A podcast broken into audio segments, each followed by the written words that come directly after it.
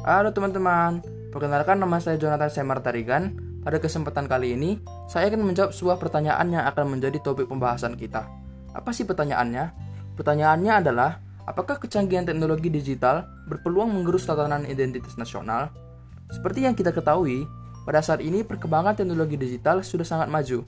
Dengan kemajuan tersebut, kesempatan yang diberikan kepada masyarakat Indonesia untuk menggali informasi mengenai banyak hal yang ada di dunia ini semakin besar termasuk identitas masyarakat yang ada di luar negeri, seperti penggunaan bahasa, gaya hidup, cara berpakaian, serta kebudayaannya.